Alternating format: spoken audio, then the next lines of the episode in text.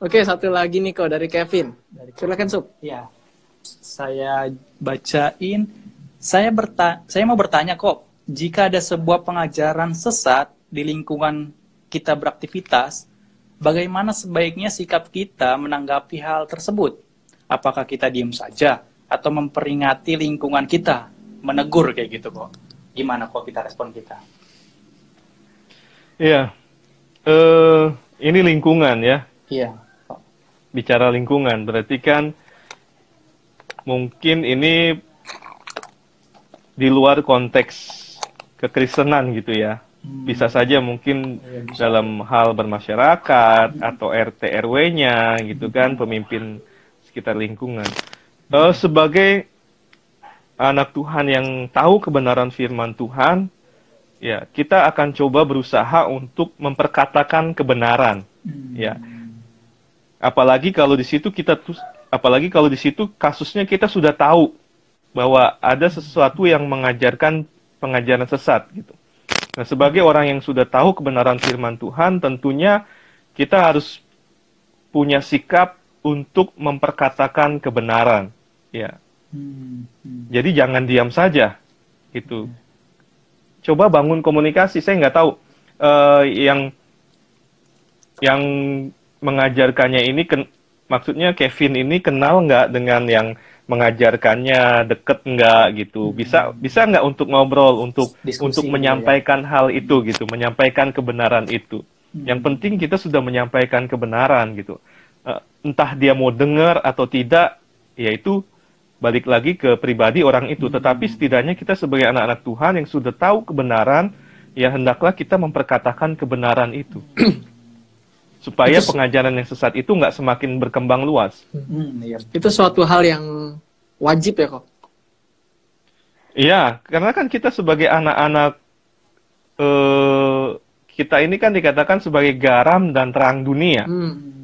Iya. Artinya garam dan terang ini kan bicara fungsi. Ya. Nah, fungsi kita sebagai anak-anak Tuhan di lingkungan kita ini seperti apa?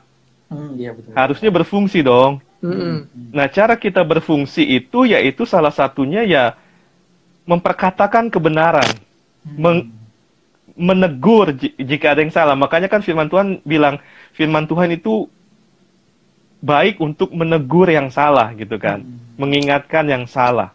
Iya. Nah, di situ baru kita berfungsi.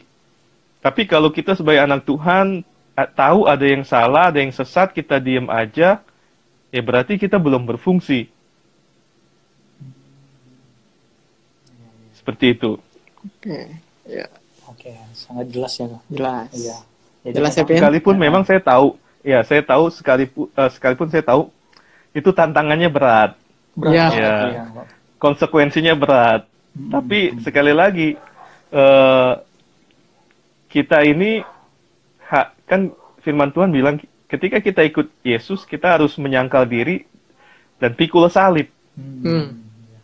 Dan salah satu pikul salibnya ya mungkin ada orang-orang yang nggak suka dengan kita, yang ber- akhirnya benci dengan kita ketika kita memperkatakan kebenaran kepada mereka gitu, menegur mereka, mengingatkan mereka. Gitu. Oke. Tapi pilih mana? Dibenci Tuhan atau dibenci lingkungan kita? Nah, iya, betul, betul. Iya. Sebuah pilihan yang sangat harusnya udah bisa jawab lah. Iya, harusnya ya. Lu pada gede-gede kan Iya. yang nonton. Heeh.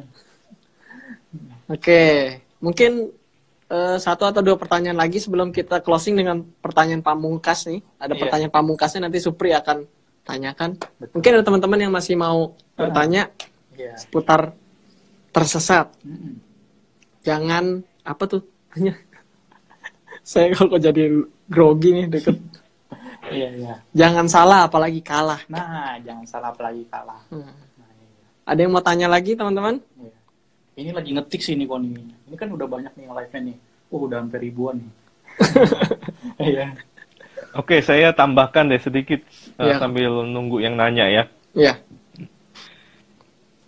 Eh, ya teman-teman pasti sudah tahu lah, sudah dengar banyak dengar bahwa di negara kita juga mungkin ada beberapa aliran-aliran yang disebut sesat gitu kan. Mm-mm.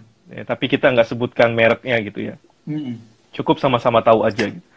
Nah, mungkin untuk membedakan, untuk apa ya, menyimpulkan, ya, oh ini ini dia sesat nih, dia aliran sesat. Itu itu mudah ya, itu gampang kadang. Karena sudah banyak berita-berita tentang mereka gitu. Dan mungkin kita bisa berjaga-jaga seandainya ada kelompok kelompok-kelompok dari aliran itu datang e, mengajak kita gitu. Hmm. Nah, tetapi yang berbahaya itu adalah ketika kita apa ya tersesat di dalam kehidupan kita sendiri gitu. Nah, itu dia kok. Kita kita nggak nyadar kalau kita ini tersesat gitu. Nah, iya. Gimana Padahal itu, itu ada di dalam diri kita sendiri gitu. Nah ini hati-hati gitu. Karena bicara tentang sesat itu, saya saya mau ajak teman-teman nggak usah bicara yang terlalu berat dulu deh. Ya. Iya, Karena mungkin kalau yang berat-berat kita perlu seminar gitu. Iya, Iya, betul. ntar kita bikin Perlu waktu Tapi panjang ya, ada ya. Dari ya dari kehidupan kita, eh, sikap kita, perilaku kita, tingkah laku kita, cara berpikir kita yang membuat kita bisa tersesat dalam kehidupan kita sehari-hari. Ya.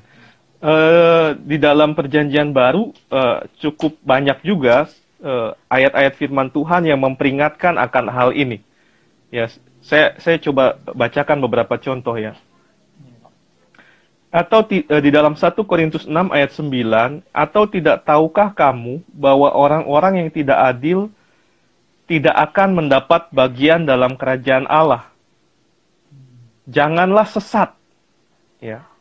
Paulus katakan janganlah sesat. Hmm. Orang cabul, penyembah berhala, orang berzina, banci, orang pemburit, ya itu tidak akan mendapat bagian dalam kerajaan Allah. Hmm. Di dalam 1 Korintus 15 ayat 33, janganlah kamu sesat. Pergaulan yang buruk merusakkan kebiasaan yang baik. Baik. Ya, jadi ketika kita melakukan pergaulan yang buruk, ini ini ini nggak bicara doktrin loh. Ini nggak bicara tentang pengajaran agama. Ini ketika kita melakukan pergaulan yang buruk, itu kita udah sesat di hadapan Tuhan gitu. Di dalam 2 Korintus 11 ayat 3 dikatakan, "Tetapi aku takut kalau-kalau pikiran kamu disesatkan dari kesetiaan kamu yang sejati kepada Kristus. Sama seperti Hawa diperdayakan oleh ular itu dengan kelicikannya."